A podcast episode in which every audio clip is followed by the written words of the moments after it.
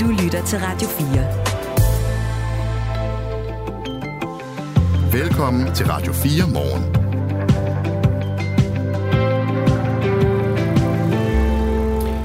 Rejs hjem, sådan lyder opfordringen fra Jens Christian Lytgen. Han er beskæftigelses- og integrationsborgmester i København, og det er han for Venstre. Og det er han citeret for at sige i Jyllandsposten, og han siger det til, jeg citerer, de palæstinenser og muslimer, som importerer konf- konflikten i Mellemøsten til Danmark. Og krigen mellem Hamas og Israel raser fortsat, og det præger altså stemningen herhjemme, blandt andet for jøder, som er nervøse for at vise deres øh, tilhørsforhold i det offentlige rum. Den her problematik, den taler vi med øh, Jens øh, Christian Lytten om, når klokken den bliver 20 minutter over 8. Og den stemme, du lige hørte der, den tilhører Claus Andersen, og jeg hedder Michael Robach. Og morgen igennem, der øh, taler vi også om julefrokoster. Det var jo ikke så længe før mange af os skal afsted til de her firma julefrokoster. Og det vi taler om, det er, hvad MeToo har betydet for den måde, vi holder fest med vores kolleger. Man skulle måske tro, at vi nu alle sammen opfører os som små engle efter de seneste års mange sager om krænkelser og seksuel chikane, men sådan er det altså ikke helt. Fagforeningen Jøf får øh, 150 henvendelser om året fra medlemmer, der har følt sig krænket, og de fleste kommer i forbindelse med fester og julefrokoster. Før MeToo, der fik man mellem 0 og 5 af den slags henvendelser. Det kan I høre mere om øh, efter nyhederne klokken halv ni. Godmorgen. Godmorgen. Det her er Radio 4 morgen. Og nu vender vi tilbage til den skattereform, som regeringen øh, præsenterer i eftermiddag. For ifølge skatteminister fra Socialdemokratiet Jeppe Brugs, så er reformen en håndsrækning til folk i arbejde, der har mærket stigende priser og nu kan se frem til mere luft i budgettet. Og det sker med skattelettelser for op mod 10 milliarder kroner. Sådan lyder det fra økonomiministeren, og han hedder Troels Lund Poulsen, og øh, han er fra Venstre. Men øh, er det nok Steffen Frølund, skatteordfører for Liberal Alliance og medlem af Folketinget. Godmorgen. Godmorgen. I er jo et uh, skattelettelsesvenligt parti. Sidder du så med armene op over hovedet nu, eller er det ikke nok med 10 milliarder?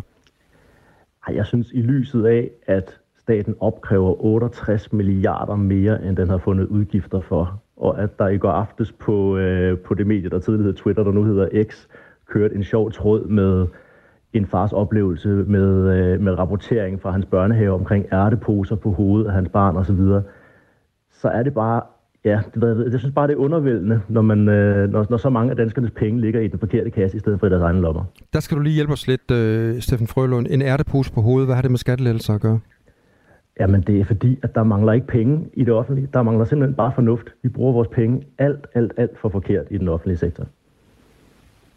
Så igen, altså hvad er det med ærteposen at gøre? Altså, siger du her med, at, at vi eksempel. bruger øh, pædagogtimerne forkert, eller, eller hvad? I det tilfælde der er det meget konkret, at vi har brugt pædagogtimer forkert, men vi har også øh, gåturskonsulenter i en kommune, vi har også krokodillesus, der er blevet betalt med offentlige penge. Det er bare tegn på, at de 68 milliarder, vi allerede ved, der bliver opkrævet for meget, det kunne hurtigt blive 100 milliarder, hvis vi tænkte os lidt om med lidt fornuft i den offentlige sektor. Og hvis vi havde 100 milliarder kroner, som vi i virkeligheden øh, opkrævede for meget og brugt på spild og fjolleri, så lå de penge altså meget, meget bedre i danskernes egen lommer.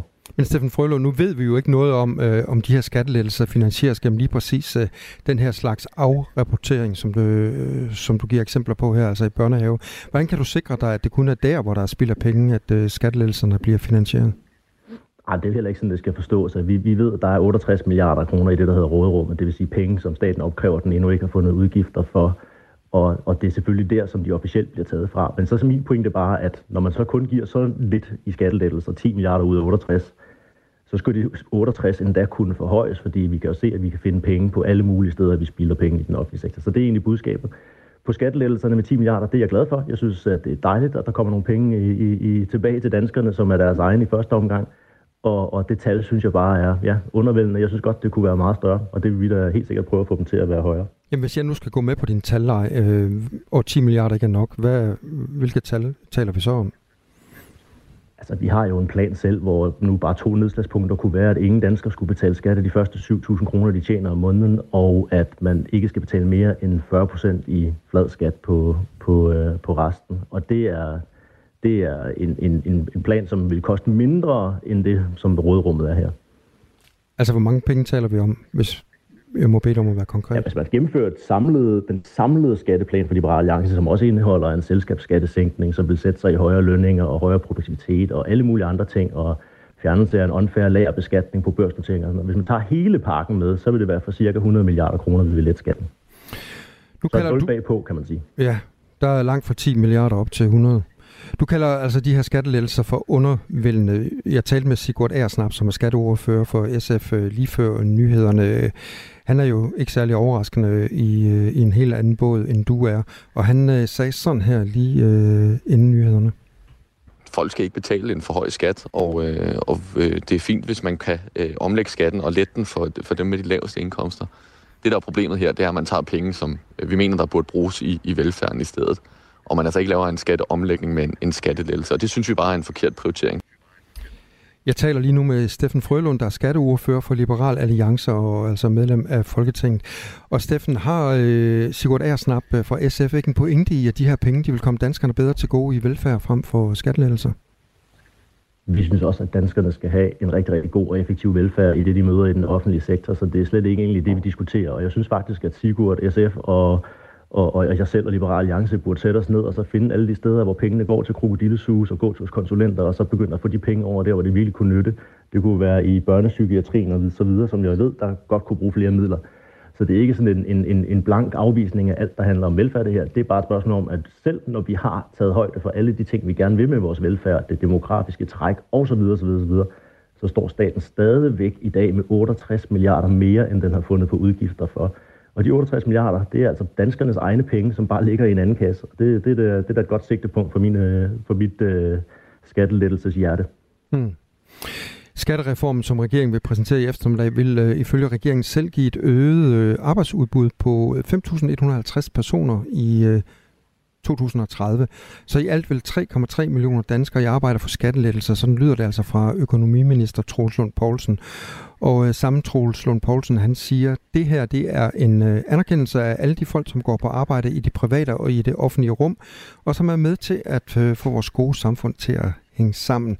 Samtidig gør det, at det bedre kan betale sig at arbejde, og det vil give mere arbejdskraft til vores virksomheder og vores velfærd, som har akut brug for flere folk, siger altså økonomiminister Troels Lund Poulsen. Men øh, nu har du så flere gange kaldt den her plan for undervældende. Men når det handler om, at øh, det får flere kapital sig at arbejde, hvorfor er det her så i virkeligheden ikke øh, den rette vej frem? Jamen altså, det er, jo, det, det er det også. Alt det, som Troels han siger her, det er fuldstændig rigtigt. Vi, vi synes jo bare, når han nu er ret det er i det, nok, og vi ved, at det er en god retning, så er det bare ikke nok. Vi er bare mere ambitiøse. Vi, vi synes, der skal, skal mere af alt det gode, han snakker om. Ja. Første gang i maj måned, hvor Finansministeriet fandt 16 øh, milliarder kroner, altså penge, som man ikke havde regnet med at uh, finde. Og i august, der fandt man yderligere 3 milliarder kroner. Så set i det lys, er det så ikke fint at give den her størrelse skattelettelse, altså op mod 10 milliarder kroner for, for nogle af de penge? Jo, altså det er jo, det er jo de nye fundne ting, som der ligger til råderummet, og når man så summer det op, så bliver det så 68 milliarder, som, som jeg har nævnt et par gange her, og øh, jeg synes ikke 10 ud af 68 altså, er sådan den helt rigtige balance her, det må jeg bare sige. Det er, det er ikke fordi, at jeg synes, vi skal lægge os i selen for at finde nye udgifter, som vi, vi skal koncentrere os om og, og, og, og, og pålægge danskerne. Jeg synes bare, at de penge skal tilbage til danskerne, og hvis vi så på et eller andet tidspunkt død og pige finder ud af, at der er et eller andet, der er smartere at bruge penge til, så kan vi jo begynde at snakke om at sætte skatten op igen. Det må være den rækkefølge, tingene skal gøres. Så hvad kommer der til at ske nu øh, fra øh, oppositionen eller fra, fra Liberal øh, Alliance i forhold til de her skattelettelser? Hvordan kommer I til at forholde jer til dem? Jamen, øh, jeg håber og, og regner med, at vi får en invitation til, til de forhandlinger, der skal køre rundt om det, og så dukker vi gladeligt op, og så præsenterer vi vores egne tanker, og vi synes, vi skal være mere ambitiøse, og vi er bestemt ikke er glade for den helt usagneligt placerede top-top-skat i, det, i, det, i den buket, øh, som de serverer, og, og, og, og så må vi jo se, hvor, hvad lydhørende er, og hvis de ultimativt holder fast i top-top-skatten, og de ikke er mere ambitiøse end det, så, ja, så, så må vi jo tage bestik af situationen. Så hvad forestiller du dig, der kommer til at ske? jeg tror nok med, med, med en regering, der har sit eget flertal og, og, og har en meget, meget lille udspil på det, der kalder sin forhandlingsreserve i det her, så tror jeg ikke, at de, de, de er nok ikke til at flytte specielt langt. Øh, det må jeg jo erkende. Og i, i, det håber jeg, at de er. Jeg håber, at vi kommer med en masse gode argumenter og, og, og kan pille de dårlige argumenter, der, der, der er på de forskellige tårne, top, top skat blandt andet, pille dem fra hinanden. Og så sidder vi i forhandlingslokalet, og så må vi jo se, om det er sagligheden og ambitionerne, der rækker, eller om det er om det er regeringens eget flertal, der er det vigtigste. Tak skal du have, Steffen Frølund, øh, skatteordfører for Liberal Alliance. Godmorgen. Velkommen. Godmorgen. Du lytter til Radio 4 morgen. Det er lykkedes de israelske styrker at dele Gaza i to, det fortæller herrens talmand, talsmand Daniel Hagiri til nyhedsbyrået AFP. Men Israel står nu over for en svær opgave, hvor de skal kæmpe med Hamas inde i Gaza. Det israelske militær har offentliggjort en video af et omfattende og meget indviklet tunnelsystem under jorden, og et tunnelsystem, der ifølge Hamas selv er et netværk af omkring 500 km snørklet gange. Jakob Rømer Barfod er major og Ph.D. i militærledelse ved Forsvarsakademiet. Godmorgen. Godmorgen. Hvad betyder de her tunneler egentlig for den opgave, som øh, Israel står foran?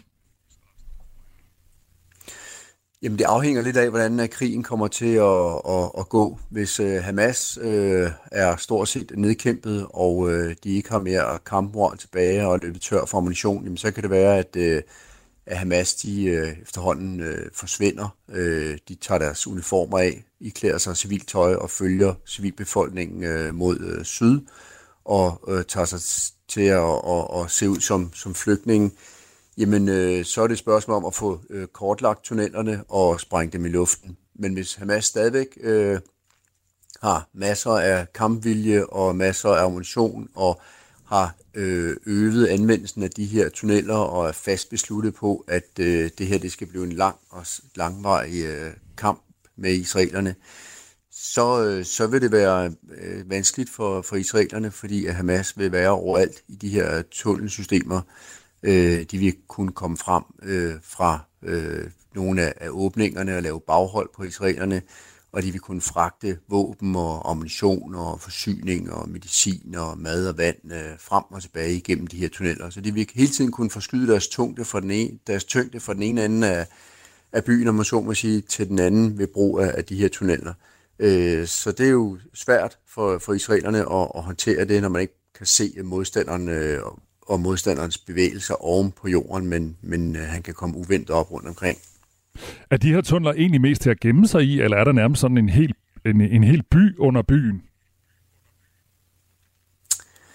Jamen, øh, ifølge Hamas øh, selv, så har, de, så har det været en topprioritet, øh, siden de overtog øh, Gaza i 2007. Og øh, de bruger tunnelsystemerne til at transportere våben øh, og til at transportere øh, enheder fra den ene side til den anden side, men de er også udstyret med elektricitet og vand og luft og kommunikationssystemer. Øh, de producerer øh, våben og sprængstoffer nede under øh, tunnelerne. Så øh, de er formodentlig blevet bygget, konstrueret blandt andet ved, ved noget af det uh, humanitære hjælp og materialer, som, som Gaza har, har fået, både af Israel og også af andre lande. Så øh, det, det er et stort system, øh, som kan bruges til mange forskellige måder, eller mm. mange, bruges på mange forskellige områder. Jeg taler med Jakob Rømer Barfod, der er major og Ph.D. i militærledelse ved Forsvarsakademiet, og vi taler om øh, de her 500 km snørklede gange, der skulle være øh, under Gaza by. Øh, og øh, jeg kan da lige tilføje, at det man ved, det er, at de er nogle steder i hvert fald to meter høje og har en bredde på en meter, og i gangene er der rum, som kan fun- fungere som en slags kommandocentral for Hamas, og våben- og forsyningslager skulle der også være dernede. Der er vel ingen tvivl om, uh, Jakob Rømer Barfod, at sådan helt militært konkret set, der er Israel meget stærkere end Hamas. Men er det her sådan, altså kan, de her tunnel, kan det her tunnelnetværk veje op for det, som Hamas mangler i militært grej og mandskab? Ja, de har i hvert fald en, en, en fordel. Øh, de kan bruge de her usete måder at transportere sig selv og, og våben frem og, og tilbage. Det kombineret med deres lokalkendskab til, til Gaza øh, City, gør, at, øh, at de i hvert fald har en, en, en fordel i forhold til, til israelerne, men israelerne de har jo, som du peger på, de har numerisk set øh, ganske, ganske stor øh, overlegenhed. Det er ikke første gang, at israelerne de går ind i bykamp. De har blandt andet øh, konstrueret deres egne øh, kampvogn Makava, som de bruger i forbindelse med, med bykamp. Så det her det er noget, det de har trænet israelerne. De har våben, de har masser af ammunition, de har masser af forsyninger, de har gode efterretninger, de har formodentlig øh, rigtig godt satellit- og øh, dronemateriale over området live, hvor de kan følge med i, hvad, hvad der sker. Så, øh, og så er de jo 300.000 i hvert fald, øh, de har mobiliseret reservister. Vi ved ikke om alle 300.000 reservister i det område her. Men, men øh, der er, der, der er nogle øh, fordele og, og ulemper for, for, for begge parter. Øh, men, men det er klart, at Israel øh, har øh, nærmest uanet øh, mængder af, af ammunition og soldater i forhold til det, øh, Hamas formodentlig står med. Slutter det her, øh, den her konflikt eller krig, eller hvad man nu skal kalde det, slutter den i det øjeblik, de der tunneler er erobret, hvis de bliver erobret af, af israelsk militær?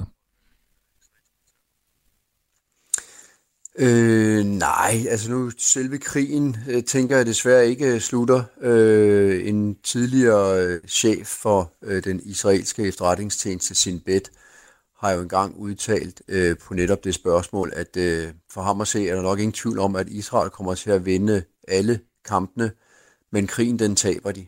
Mm. Og med det mener han formodentlig, at øh, det her, at smadre Gaza og smadre alle tunnelerne, det er jo ikke en løsning på øh, problemet Israel, øh, palæstinenserne nede i det område der. Øh, og flere tidligere øh, topchefer fra samme efterretningstjeneste, Sinbet, har udtalt, at for dem at se, er der kun én løsning på, på det her problem, og det er en tostatsløsning. Så nej, det kommer, de kommer ikke til at, at, at vinde krigen, de kommer til at vinde alle kampene dernede, men på sigt, øh, altså over de næste mange år, øh, peger meget jo på, at vi må finde en, øh, en, en anden løsning end, end det her, sådan at der kan komme en eller anden form for fred og stabilitet i, i området dernede. Sådan sagde Jakob Rømer Barfod, der er major og Ph.D. i militærledelse ved Forsvarsakademiet. Tak skal du have. Selv tak. Du lytter til Radio 4. Rejs hjem, sådan lyder opfordringen fra Jens Christian Lytken, der er beskæftigelses- og integrationsborgmester i København for Venstre. Og øh, det er han citeret for at sige i Jyllandsposten, og han siger det til, jeg citerer, de palæstinenser og muslimer, som importerer konflikten i Mellemøsten til Danmark. Krigen mellem Hamas og Israel, den øh, raser som vi ved fortsat. Og det præger også stemningen herhjemme, blandt andet for jøder, som er nervøse for at vise deres tilhørsforhold i det offentlige rum. Og Jens Christian Lytken, beskæftigelses- og integrationsborgmester for Venstre i København. Godmorgen. Godmorgen. Kunne vi ikke begynde med, at øh, du lige uddyber den her opfordring øh, til at rejse hjem? Altså, hvem er den rettet imod, og hvor, øh, hvorfor skal de rejse hjem? Det er jo dem, der går rundt i de københavnske gader og råber slagord omkring øh, jihad, øh, altså øh, hellig krig. Øh, hvis man har det ønske, øh, så synes jeg ikke, at man skal være i Danmark. Øh, I Danmark, der lever vi i demokrati, der diskuterer vi med hinanden. Vi bruger ikke voldelige midler, øh, når vi vil fremme vores synspunkter.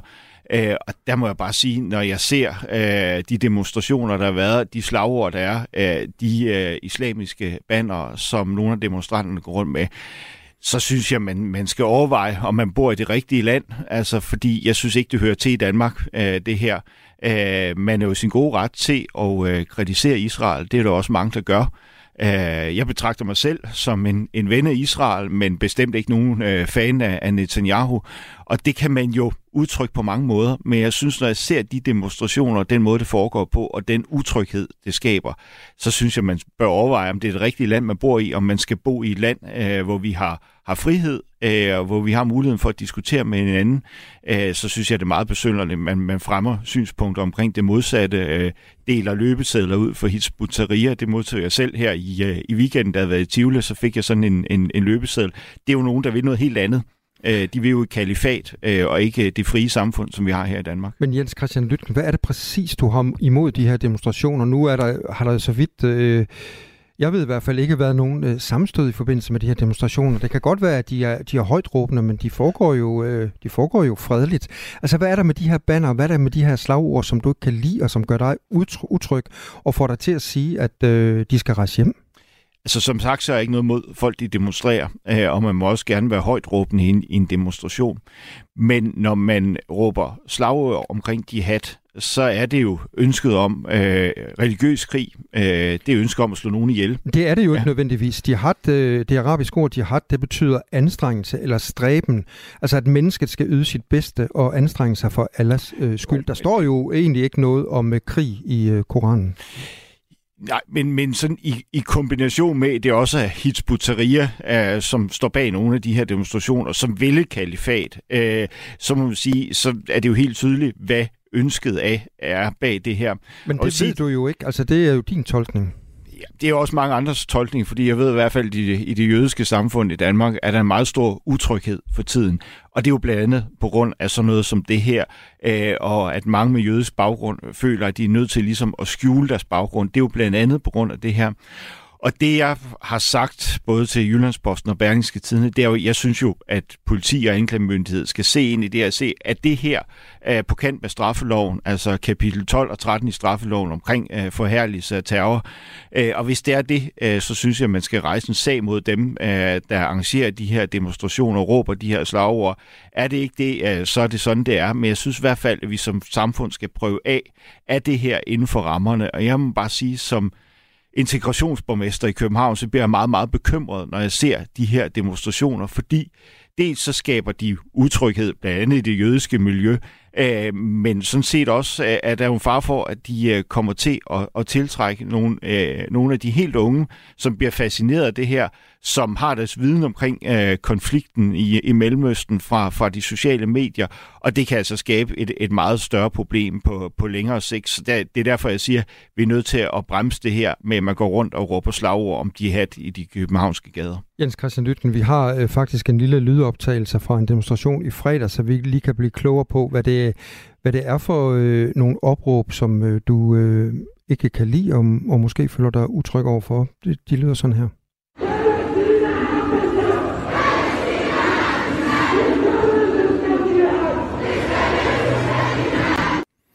Altså, Palæstina er besat, det skal løses med jihad. Og øh, jeg kan så forstå på dig, at det tolker du som, at øh, det skal løses med krig mod øh, israelerne. Ja.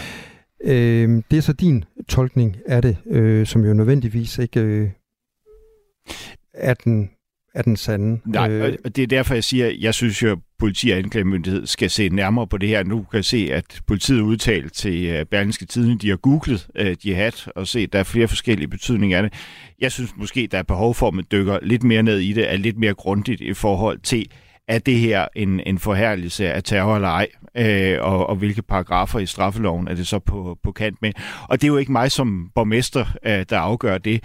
Jeg har bare, hvad skal man sige, som integrationsborgmester øh, ansvaret for, at vores unge ikke bliver tiltrukket af det her, bliver, ikke bliver tiltrukket af ekstreme organisationer, øh, eller bliver tiltrukket af, af ideen omkring terror. Og der må jeg sige, der er jeg meget bekymret, og det er sådan set også, når jeg taler med øh, lærere og ledere fra eksempelvis øh, muslimske friskoler, som siger, at de unge er tiltrukket af, af det her. Øh, og der er heldigvis mange, der gør en stor indsats for at, ligesom, at moderere synspunkterne, øh, men der er jo også nogen, der, der måske lader sig værve af de her øh, mere ekstreme organisationer. Og det er jeg meget bekymret for, og det er derfor, jeg siger, at vi er nødt til at bremse det her, at man går rundt i københavnske gader og råber, og råber jihad. Øh, for, og der kunne en af mulighederne ja. være, være, være straffeloven, og det vil jeg gerne have prøvet af. Ja. Jens Christian Lytken, øh, jeg taler med Jens Christian Lytken, der er beskæftigelse- og integrationsborgmester for Venstre i København lige nu. Og, og Jens Christian Lytken, øh, er det ikke en lidt nem måde at håndtere den her situation på? Altså, du vil gerne gå direkte til politiet og, og undersøge, om der er mulighed i straffeloven for at sende de her øh, folk hjem. Altså, kunne man ikke løse den med, med dialog? Altså, jeg hørte dig sige, at jo. du er nervøs for de unge mennesker, ja. at øh, de, skal blive, øh, de skal blive dedikeret til, til det her, altså jo, helt og, klart. Og ligesom jeg... være med på den gelej om, øh, om, om helligkrig. Vi, vi skal jo gøre mange forskellige ting, øh, og jeg har jo flere ting på hylderne, end, end bare at bede politiet om at se på det her. Jeg har også bedt min forvaltning om at se på, kan vi skrue op for SSP-samarbejdet, altså det samarbejde, der er mellem skole, socialforvaltning og politi, øh, som man bruger, når der er bekymringer omkring øh, ekstremisme. Og så har jeg også sagt, at jeg synes, vi skal se på de bevillinger, vi har til dem, øh, som arbejder med dialog. Det kunne være Jødisk øh, Informationscenter. Det kunne også være, være andre organisationer, som arbejder med det her. Men eksempelvis Jødisk Informationscenter har gjort rigtig, rigtig meget for at fremme dialogen, invitere ind i, i synagogen, hvor også øh, muslimske friskoler har været inde. Det tror jeg på, at det har en kæmpe stor effekt, måske på lidt længere sigt, men vi er også nødt til at gøre noget på, på kort sigt, øh, og der er det blandt andet i forhold til politi, men det er også i forhold til, til SSP-samarbejdet. Så det her er ikke bare en let løsning om, at, at nogen må gøre noget, det vil sige politiet. Vi skal også selv gøre noget, og det, det er vi i fuld gang med. Øh, det er ikke noget, der nødvendigvis lige løser problemerne i morgen, men det kan jo forebygge, at, at de unge bliver tiltrukket af de her mm. ekstreme organisationer. Så der, der er mange ting, uh, vi skal gøre. Jeg tror også, vi kommer til at gøre det i en længere periode, fordi den her konflikt, den kan trække ud i lang tid, som vi også hørte i det foregående indslag. Ja, tak skal du have, Jens Christian Lytten, beskæftigelses- og integrationsborgmester i København. Godmorgen. Klokken er halv ni. Nu er der nyheder på Radio 4. Regeringens udspil til en skattereform vil samlet set give danskerne milliarder af kroner i skattelettelser de kommende år. Men skattelettelserne er ikke ligeligt fordelt. Det skyldes blandt andet, at dem, der betaler mest skat, som hovedregel også får de største skattelettelser. Og så betyder måden, som skattelettelserne er skruet sammen på, også noget for, hvem der får mest glæde af dem. Det fortæller Brian Friis Helmer, der er privatøkonom i Danske Bank. Skattelettelserne rammer primært de danskere, der er i arbejde, fordi beskæftigelsesfradraget bliver hævet, ligesom det maksimale fradrag også bliver hævet, forklarer han. Som virksomhed skal man sikre en god oplevelse for alle til en julefrokost, det mener erhvervspsykolog Ditte Darko. En undersøgelse fra fagforeningen Lederne viser, at hver fjerde virksomhed kun serverer vin, øl og vand på deres arbejdsplads til de forestående julefrokoster.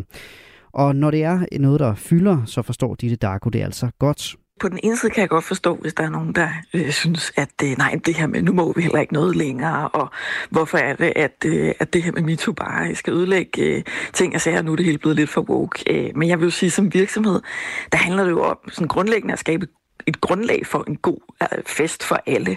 Og det her med, jamen på den lange bane, der handler det også om at være en attraktiv arbejdsplads, som kan tiltrække og fastholde øh, medarbejdere, man er glad for. Øhm, og jeg synes ikke, det er underligt det her med, at julefrokosten egentlig ændrer sig eller ændrer karakter med de øvrige ændringer, vi ser i samfundet. Hun opfordrer til, at man i virksomhederne tager en snak om, hvordan man gerne vil have julefrokosterne til at se ud. Hvad er det, vi gerne vil bevare, øh, og hvad er det, vi gerne vil udvikle? Og det er jo fint, hvis man nogle steder siger, Nå, men vi har egentlig altid godt kunne finde ud af det, vi vil bare fortsætte med de samme traditioner, som vi har haft. Øh, og man andre steder siger, her hos os er vi måske nødt til lige at gøre opmærksom øh, på nogle bestemte ting, og der er noget, vi gerne vil sige højt, øh, inden vi har den her fest. Og det kan sikkert se meget forskelligt ud lød det altså fra erhvervspsykolog Ditte Darko. Lederne af alle de store FN-organer har udsendt en sjælden fælles udtalelse, hvor de udtrykker forarvelse over det civile dødstal i Gaza og opfordrer til en omgående humanitær våbenhvile i krigen mellem Israel og Hamas. Blandt de i alt 18 underskrivere er cheferne for UNICEF, FN's fødevareprogram og Verdenssundhedsorganisationen WHO. I næsten en måned har verden set på situationen i Israel og de besatte palæstinensiske områder i chok og redsel over det stigende antal liv, der er gået tabt og revet i stykker, lyder det fra FN-cheferne. De opfordrer Hamas til at frigive de 240 gisler, som gruppen tog i angrebet, og bønfalder begge parter til at respektere deres forpligtelser under den humanitære folkeret. Sikkerhedsstyrelsen har fået lukket 35 profiler og tre grupper på sociale medier for at sælge kanonslag. Det skriver styrelsen i en pressemeddelelse. Det er ulovligt at sælge og anvende kanonslag for privatpersoner i Danmark, også selvom de er produceret på en professionel fabrik i udlandet. Kanonslag kan jo være så kraftige, at de kan springe en hel hånd af. Derfor er det også forbudt at sælge dem til danske forbrugere, siger kontorchef i Sikkerhedsstyrelsen, Nicoline Sederkoff Jensen. Sidste nytår kom 192 personer i Danmark på skadestuen som følge af fyrværkeriskader. Heraf blev 36 personer alvorligt skadet. Indsatsen med at få lukket profiler og grupper, hvorfra det ulovlige salg af kanonslag foregår, fortsætter de kommende måneder, oplyser Sikkerhedsstyrelsen. Spredte byer, men også lidt eller nogen sol indimellem og temperaturer mellem 8 og 12 grader. Det var nyhederne her på Radio 4 med Asbjørn Møller. Det her er Radio 4 morgen. Husk, at du kan sende os en sms på 1424.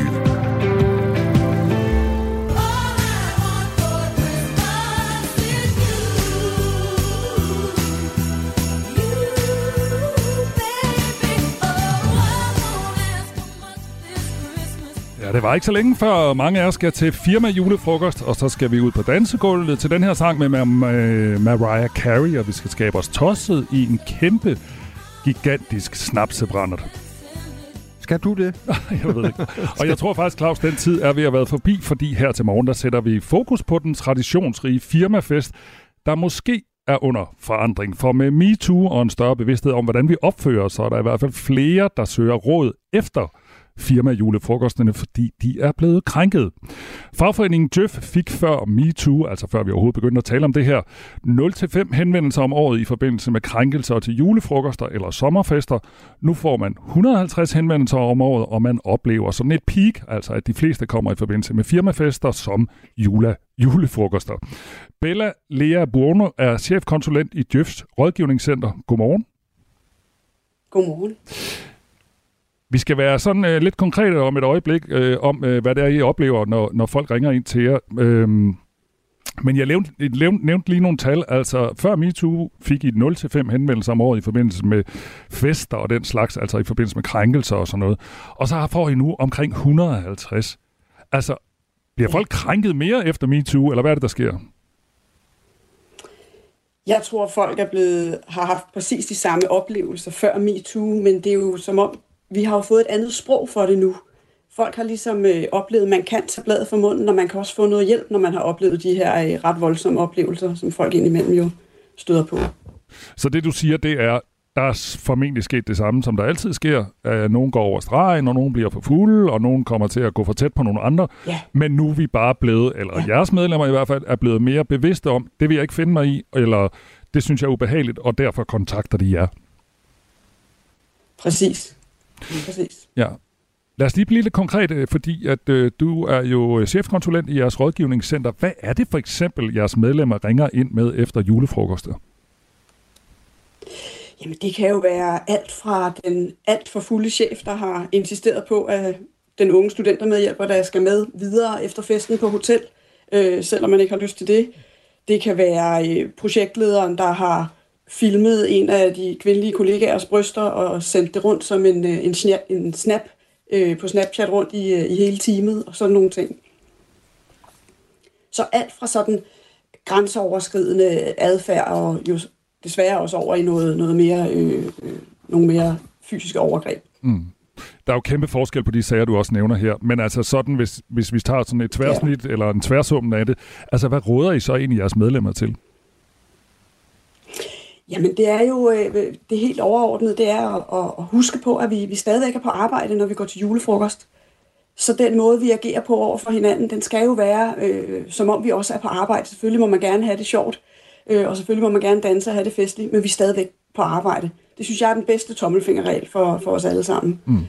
Og så er der jo nogen, der, der også skal huske på, at hvis man har en magtposition i hverdagen, hvis man er chef, hvis man har ansvar for et eller andet projekt, eller en eller anden form for magt, så tager man jo den magt med sig, også når vi holder fester sammen. Så det vil sige, at man kan være virkelig svær at sige nej til, eller sige fra overfor. Og hvis man så som medarbejder oplever, at det er svært at sige fra, eller man oplever grænseoverskridende adfærd, jamen så handler det om at, at søge væk og søge over mod nogle kollegaer eller andre, der kan hjælpe en, tale højt om, hvad det er, man har oplevet, og så holde fast i ens egen oplevelse. For det kan jo godt være, at der er andre, der vil sige, at jamen, sådan et godt klask i røven, det har aldrig generet mig.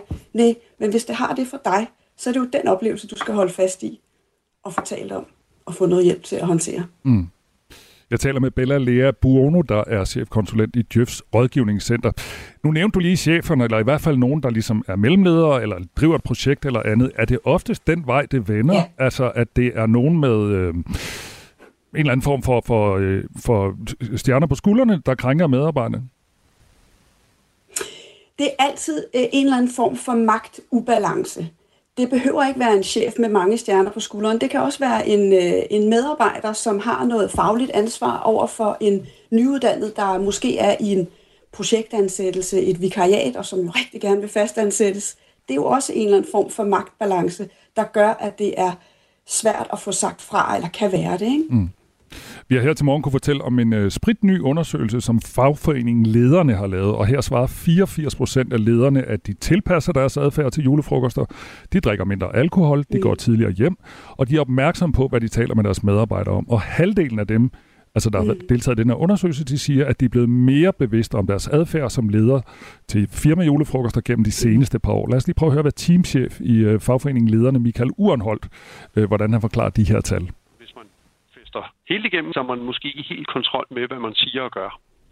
Og krænkelser er jo ikke kun det, at man klapper en bag i krænkelse, er måske også det, man får sagt til nogle mennesker. Er der en udvikling i det her, tror du? Ja, men der, det er helt tydeligt at se. Det hører vi, og det ser vi, og det kan vi også se på de undersøgelser, vi har lavet tidligere.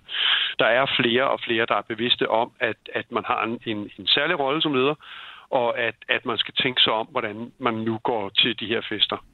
Sådan sagde altså Michael Urenhold fra Ledernes Fagforening, og lige nu taler jeg med Bella Lea Bruno, der er chefkonsulent i Djøfs Rådgivningscenter. Selvom I får flere henvendelser om krænkelser til julefrokoster end før MeToo, oplever I så, at der er et øget fokus på at undgå de her MeToo-sager ude i virksomhederne? Ja, det, det gør vi. Der er jo flere og flere, der får øh, snakket om de her ting, og øh, der er jo også nogen, der får nedfældet kodex for, hvordan man, man gør det. Og man kan jo sige generelt, jo mere der er skrevet ned øh, i forhold til, til ens arbejde, hvordan man, man agerer, jo nemmere er det at forholde sig til. Mm. Og det er jo noget af det, vi, vi oplever, at kan være en hjælp. Mm. Lad os lige høre et klip, som de fleste nok kender. Og jeg skal sige, øh, der var en, der skrev ind på sms'en og klagede over, at der var et frækt ord med. Nu kommer der et klip med et frækt ord. Hold børnene for ørerne. Jeg vil lige starte Danmarks Radio. Vi skulle til julefrokost, og jeg havde glædet mig. Og så kommer der den her store tv-kanon op. Tager fat i min arm og siger, hvis du ikke går med ud og sutter min pæk, så fucking ødelægger jeg din karriere. Så ødelægger jeg dig. What? Det var altså Sofie Linde, der i 2020 fortalte om en julefrokost på Danmarks Radio. Og jeg har spurgt DR, om de har lavet regler for deres fester, som for eksempel julefrokoster efter den her tale. Og det har man ikke. Men man har et adfærdskodex, som også gælder, når der bliver festet, og i det, der hedder det blandt andet, vi opfører os ordentligt og hensynsfuldt og opmærksom på ikke at overskride hinandens grænser. Vi hjælper hinanden med at sige fra, når det er nødvendigt, og handler på det, når vores grænser bliver overtrådt. Og TV2, altså konkurrenten, har også haft en øh, række MeToo-sager, og her har man altså indført et par regler i forbindelse med fester. Hvis festen holdes på TV2's adresse, så slutter den kl. 24, og der serveres og sælges kun øl og vin, altså ingen snaps, ingen shots, ingen sprit. Og i øh, undersøgelsen fra øh, ledernes fagforening, som jeg nævnte før, så oplyser 23 procent af lederne, altså cirka hver fjerde, at der i deres virksomhed har de øh, den samme regel, altså at der kun serveres øl og vin, og altså ikke snaps og den slags. Jeg taler med Bella Lea Bruno fra Djøf. Øh, Bella, vil det hjælpe jeres medlemmer, hvis der er flere af den her slags øh, regler på alle virksomheder? Igen, altså det er, jo, det er jo nemt at forholde sig til, når man har taget stilling som virksomhed og få skrevet noget ned. Om det lige skal være et julefrokostkodex på hver enkelt virksomhed eller organisation, der synes jeg, man må, man må kigge på organisationen, historikken og kulturen. Mange steder tænker jeg, at det vil være nok, at man har et adfærdskodex generelt for, hvordan vi opfører os over for hinanden, når vi er på arbejde. Og så husker på, at vi stadigvæk er på arbejde, når vi er til julefrokost. Men har man en, en, en historik og en kultur, der gør, at man bliver nødt til at, at tage den skridtet længere, jamen så kan det jo for nogle virksomheder være en god idé mm. at få de her deciderede kodex for julefrokoster. Det må man jo kigge på internt i organisationen. Til sidst, øh, vi har spurgt morgen igennem, om den gode, gamle, løsluppende, vilde julefrokost er på vej ud, fordi nogle enkelte ikke kan finde ud af at opføre sig ordentligt. Tænker du, at vi lige så stille er, ved at, er i gang med at aflive den klassiske firma julefrokost? Jeg tænker, vi er i gang med at tage nogle tiltag, som har været helt nødvendige, fordi der er nogle mennesker, der er, er blevet krænket og har, har nogle grimme oplevelser med sig.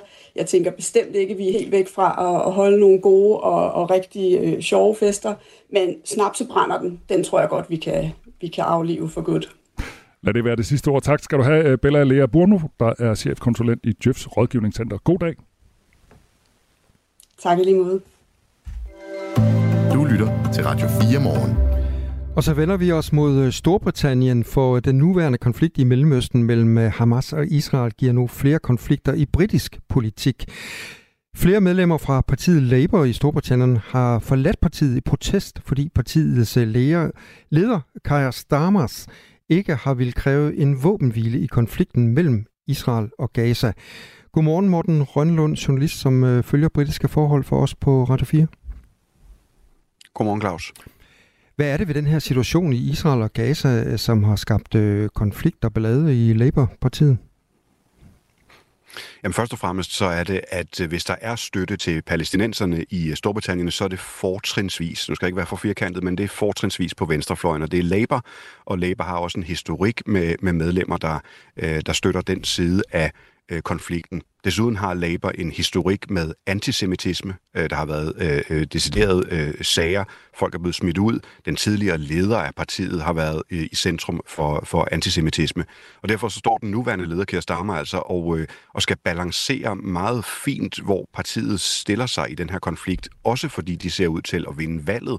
Og det er dermed at ham, der, hvis konflikten fortsætter, når der er en ny regering med formentlig ham i spidsen, jamen, så skal han også være statsmandsagtig og have været på den rigtige side af øh, konflikten set med vestlige øjne øh, i, i de måneder, der, der foregår nu. Hvorfor er det så svært for, for Labour at have en, øh, en fælles øh, linje i partiet omkring øh, det, der foregår i Mellemøsten lige nu? Jamen, der er noget historik i, øh, i, i Labour, hvor man øh, i hvert fald ude på den yderste venstrefløj er øh, meget kritisk over for enhver krigsindsats, og ekstra kritisk over for, for britisk kolonihistorie og, og, og den slags ting, og, og, og holder meget mere fast i, i minoriteter. Og det betyder også, at der er rigtig mange, nu for eksempel også nogle af de 11, som her har meldt sig ud af partiet, som sidder i, i små kommuner rundt omkring i landet, hvor der er store øh, muslimske øh, flertal, og det er dem, de er stemt ind på. Øh, så de passer også på, hvad deres vælgere egentlig har bedt dem om. Og det er fortrinsvis øh, øh, Labour, som eksempelvis muslimer stemmer, stemmer på i, øh, i Storbritannien, sådan øh, set over et, øh, et gennemsnit. Så der er også noget med, at det er partiets vælgere, øh, de synes, de repræsenterer de forskellige fløje, der er øh, i partiet. Men når det er sagt, altså det her det er et svært spørgsmål for alle politikere overalt øh, i, øh, i verden, og der er også andre steder i det britiske samfund øh, problemer med det her spørgsmål. Altså på søndag er der en stor march øh, for at huske alle de faldende britiske soldater i krige siden Første Verdenskrig. En stor dag for, for britterne. Ikke noget, vi tænker så meget over i Danmark med Første Verdenskrig. Men der forventes modprotester til støtte for Palæstina, øh, og allerede nu er politiet sådan forholdsvis nervøse for, hvordan de skal forholde sig. Altså man forventer decideret sammenstød i gaderne i London eksempelvis øh, på søndag på ryggen af det her spørgsmål. Så det er svært mange steder, når man forsøger at balancere den her konflikt. Vi taler med Morten Rønnelund, som er journalist og som følger britiske forhold for os her på Radio 4, og vi taler blandt andet om, at øh, der er flere, der har forladt partiet Labour, fordi deres leder, Keir Starmer, øh, ikke har ville kræve en våbenhvile i konflikten mellem Israel og Gaza. Morten, hvor alvorligt er det her for partiet? Men det kan gå hen og blive alvorligt, fordi nu er det lykkedes partiet at signalere et eller andet form for sammenhold, og vi er klar til magten, for de står rigtig godt i meningsmålingerne. De ser ud til at vinde ret stort næste gang, der kommer et valg. De konservative er presset i, i defensiven. Så det her med at få ribbet op i, at vi også er et splittet parti, og at de overhovedet klar til at skulle lede, og det underliggende spørgsmål, er der stadig antisemitisme i partiet? For det har taget flere år at slippe af med. Men det kan gå hen og være forholdsvis øh, sprængfarligt for partiet, så han skal virkelig balancere en knivsæg, Keir Starmer, i forhold til det her spørgsmål, for at holde sig på den officielle britiske øh, linje og være klar til at være premierminister, men også til gode se sit eget parti, og så alle de borgmestre og lignende rundt omkring i landet, der er valgt blandt andet på muslimske stemmer. Hvad med den anden side? Altså, øh, øh navigerer de helt problemfrit i det, altså de konservative, i, i den her konflikt, som jo optager så mange mennesker, selvom det er meget langt væk? Ja, altså der er konservative, som også synes, der skal en våbenhvile til nu, eller i hvert fald en eller anden form for humanitær pause, eller hvad for nogle formuleringer man nu øh, vælger. Men det er betydeligt lettere for en konservativ premierminister at tale til den konservative base ved at være stenhårdt på Israels side, og det er Rishi Sunak, premierministeren, også. Han har ligefrem øh, foreslået, at de modprotester, som jeg snakkede om, der, der kommer på, på søndag i forbindelse med den anden markeringsdag, jamen de modprotester burde man øh, droppe. Og han har også signaleret til politiet, at han står fuldstændig øh, bag ryggen på dem i forhold til at slå hårdt ned øh, på, på voldelige protester og den slags, når vi kommer til søndag. Så det er lettere at være konservativ i det her spørgsmål og i forhold til at varetage sin vælgerbase. Morten, tidligere på morgen, der havde vi en øh, Københavns politiker med, Jens Christian Lytken, som øh, var forarvet over noget af det, han havde set til demonstrationerne i København, altså at der var blevet råbt jihad for eksempel. Jeg har også set billeder af demonstrationer i, i London i forbindelse med den her øh, krig og konflikt. Er det også diskussioner, man har derovre, altså øh, hvordan øh, folk øh, demonstrerer den slags? Ja, godt set, fordi der er en, lige, der er en lige linje, fordi det, det oplever man rigtig mange steder. Der er også råbt øh, jihad, og den eneste vej er jihad og lignende til, til protester i i Londons gader. Så meget så, at øh, den noget krigeriske indrigsminister Suella Braverman, øh, hun går og, øh, og leger med tanken om at stramme forståelsen af ekstremisme, sådan så at de her tilråb kan dømmes på en, øh, på en lidt hårdere måde, eller at de her, den her typer af tilråb øh, kan inkluderes i definitionen af, af ekstremisme. Og det er et stort politisk øh, øh spørgsmål lige nu. Kan man udvide forståelsen af ekstremistisk optræden til at være undergravende for Storbritannien, og det er den formulering, man taler om lige nu. Så det kan også have meget stor øh, politisk øh, indflydelse. Netop de protester og den øh, type af ting, der bliver råbt der, det er fuldstændig det samme i gaderne i, i London. Sådan sagde Morten Rønnelund. En fornøjelse at dig med. Selv tak. Godmorgen. Godmorgen. Klokken den er 10 minutter i 9. Den ukrainske underverden, dommedagssektor. Når forældrene har slået deres børn ihjel, så er der ikke så langt til at gøre det selv. Så er der ingen vej tilbage. Storpolitiske morsager og mystiske flystyrt. Om det er satire eller sandt, det ved jeg ikke. Det er i hvert fald russisk. Hver uge undersøger Christoffer Lind store dramatiske historier og afliver eller bekræfter tidens store myter og konspirationer. 90'erne var et tag for både lovlige og ulovlige eksistenser i det land. Lyt til Krimiland i Radio 4's app, eller der, hvor du lytter til podcast. Radio 4. Hele systemet er jo et eller andet sted en stor mafiastat. Ikke så forudsigeligt. 3,3 millioner arbejdende danskere kan nu se frem til skattelettelser for i alt 10 milliarder kroner. Ifølge økonomiminister Troels Lund Poulsen fra Venstre, så er det en anerkendelse af alle de folk, som går på arbejde og som får samfundet til at hænge sammen. Men skattelettelserne er ulighedsskabende og uambitiøse, hvis formålet er at øge arbejdsudbuddet med lidt over 5.000 fuldtidsstillinger. Det er øh, en holdning, der blandt andet indtages af professor i økonomi ved Aarhus Universitet, Bo Sandemann. Godmorgen.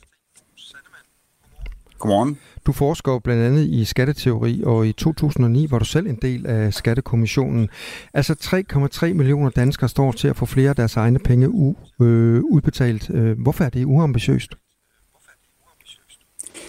Jamen, det er jo ikke så meget et spørgsmål om, øh, vi skal lave skattelettelser eller ej. Det er jo et spørgsmål om, hvad man kan lave på skatteområdet for at forfølge nogle af de mål, som politikerne har. Det er blandt andet at få øget arbejdsudbuddet. Så, så målet for, hvor, ligesom, hvor, hvor ambitiøst det her er, er ligesom, hvor mange ekstra øh, hænder vi kan få ud på arbejdsmarkedet. Ikke? Og, og der siger de forløbige beregninger, vi har, vi har sådan kunne se, ikke, det er, at man, man regner med, at det, det kan give et øget arbejdsudbud i størrelsesorden 5.000. Ikke? Og vi kan sige, at vi har en samlet beskæftigelse bare på den siden på, på, på, på omkring 3 millioner. Ikke? Og, og tager man øh, det selvstændigt så videre med, ikke, så, er vi, så er vi måske 3,3, ikke? og så er 5.000, det er jo trods alt et øh, relativt øh, beskeden tal, ikke? Så, så uanset hvad, ikke, så, så er det ikke så meget, man når øh, på det mål, nemlig at få øget arbejdsudbuddet. Så det er det, der er øh, uambitiøst, at man har et mål om at øge arbejdsudbuddet på 5.150 personer i 2030? Ja, altså man kan sige, øh, øh, vi har mange beregninger om, at, øh, at øh, på forskellige områder, både inden for det, for det offentlige og inden på det, på det private arbejdsmarked, når man frem til 2030, så har vi altså en store øh, områder, hvor der mangler arbejdskraft, øh, og det er størrelseordner, som, som er noget større end, end de 5.000 her, vi, vi snakker om.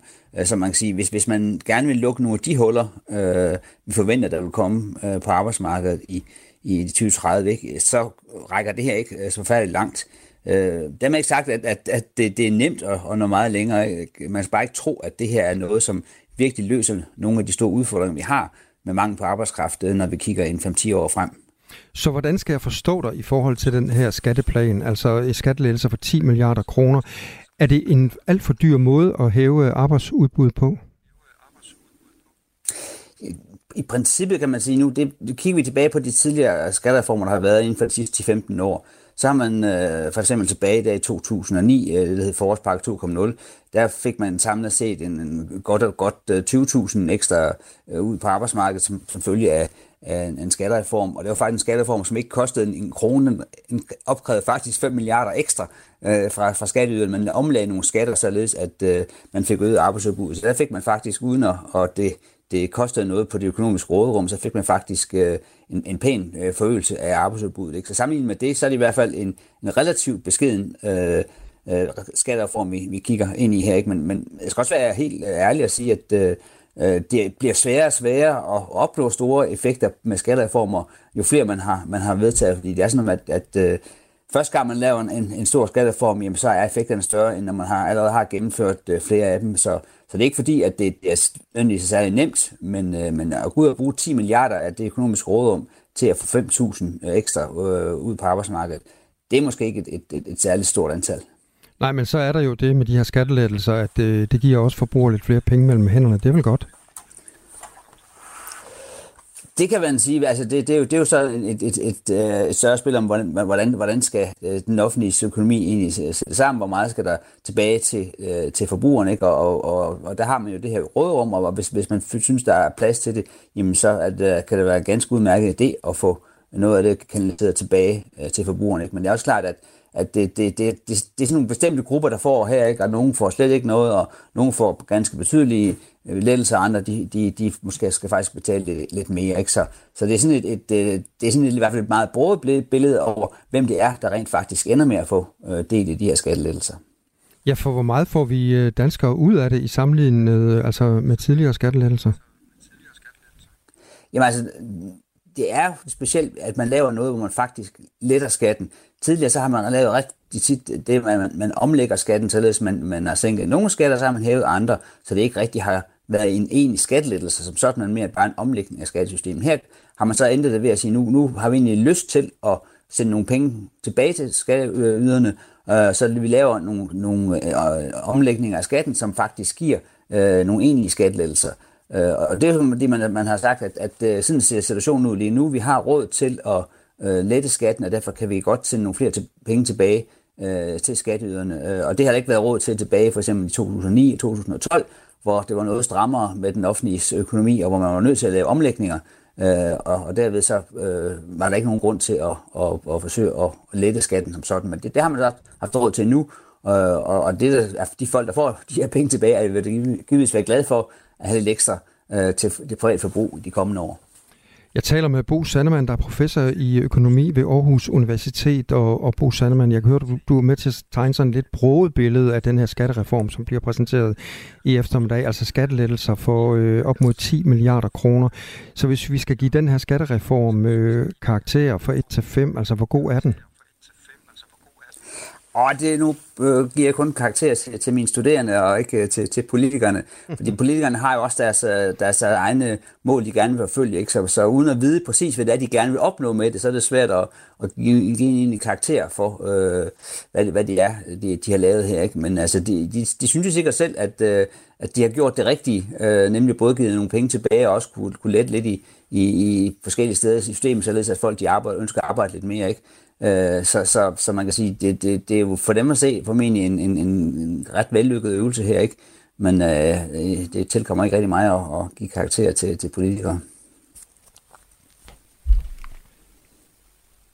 Så øh, når der nu blev præsenteret her i eftermiddag, den her øh, skattereform, som altså bliver modtaget sådan øh, lidt med, med blandede følelser fra, fra de forskellige sider i, øh, i, i, i Folketinget. Altså, hvordan skal vi danskere, som får de her skattelettelser, sådan egentlig se på det, hvis vi ser bort fra øh, de politiske øh, meldinger, der har været omkring den her skattereform? Jamen altså, der er jo nogen, der får penge, penge tilbage, og det er jo øh, først og fremmest, eller i, udelukkende, folk, der er i arbejde i forvejen. Så, så alle, der er i arbejde, de fleste, der er i arbejde, de vil, de vil få en, en, en skattelettelse af en vis størrelse. Det er ikke nødvendigvis øh, forfærdeligt meget. Det er klart, hvis man deler 10 milliarder ud til 3,3 millioner mennesker, ikke, så, så er der ikke så forfærdeligt meget øh, gennemsnit. Ikke? Øh, det er ikke sådan, at vi virkelig tænker, nok for søren, nu bliver vores private økonomi øh, markant øh, bedre som følge af det her. Det, det hjælper selvfølgelig lidt, men det er jo ikke, fordi det sådan er, er, er vældige summer, øh, vi ender med at, at få ekstra. Øh, så, så den, hvad den enkelte får ud af det, det afhænger ligesom af, hvor man ligesom ligger på inden for, for, for indkomstfordeling, og, og der jo måske det, det, det ender med at give mest, det er dem, som ligger øh, i det, der hedder, det der, dem, der skal betale den nye mellemskat, som ligger sådan omkring ca. 600.000 op til en 750.000. De får, de får en, en, trods alt en, en pæn øh, indkomst, øh, en, en pæn indkomststigning igennem en, en, en lavere skattebetaling. Øh, længere nede, der, der er det ikke så meget, man, man får, øh, men, men stadigvæk, så, så, så giver det da lidt ekstra, øh, og, og det er da klart for alle, der får lidt ekstra ind, ind på bankbogen øh, hver måned. Ikke? Altså, det vil de sikkert være, umiddelbart være, være glade for. Ikke? Så, så på den måde, så, så er der da lidt i det øh, for de fleste, øh, men det er som sagt det er kun dem, der, der er i arbejde, der får noget. Bo Sandemann, professor i økonomi ved Aarhus Universitet. Tak skal du have. Velkommen. Du lytter til Radio 4 morgen. Vi nærmer os nyhederne, men øh, jeg kan lige sige, at øh, nu har du øh, lavet tre interview her til morgen, Claus, om øh, skat, og det er jo simpelthen fordi, at øh, en ny skattereform bliver øh, fremlagt i dag. I eftermiddag. I eftermiddag. Så må ikke også det røde hjørne, som sender 11.05, har det på programmet, det vil jeg næsten tro. Så lyt, lyt til det røde hjørne 11.05. Men inden da, så kan du lytte til Ring til Radio 4. Øh, og jeg kan se Sine, som er vært, hun står og smiler til mig. Ja, er du klar, Sine? Hun nikker også. Og øh, de spørger blandt andet, øh, er det kedeligt at droppe de vilde julefrokoster, eller er det nødvendigt at skrotte snaps og dumme jokes ved julefrokostbordet? Det er den diskussion, som vi har sat i gang her på Radio 4 morgen, men som de altså tager videre på Ring til Radio 4. Det gør de øh, ved, at du kan skrive ind på 1424 og deltage i debatten. Nu klokken 9. Du har lyttet til en podcast fra Radio 4. Find flere episoder i vores app, eller der, hvor du lytter til podcast. Radio 4. Ikke så forudsigeligt.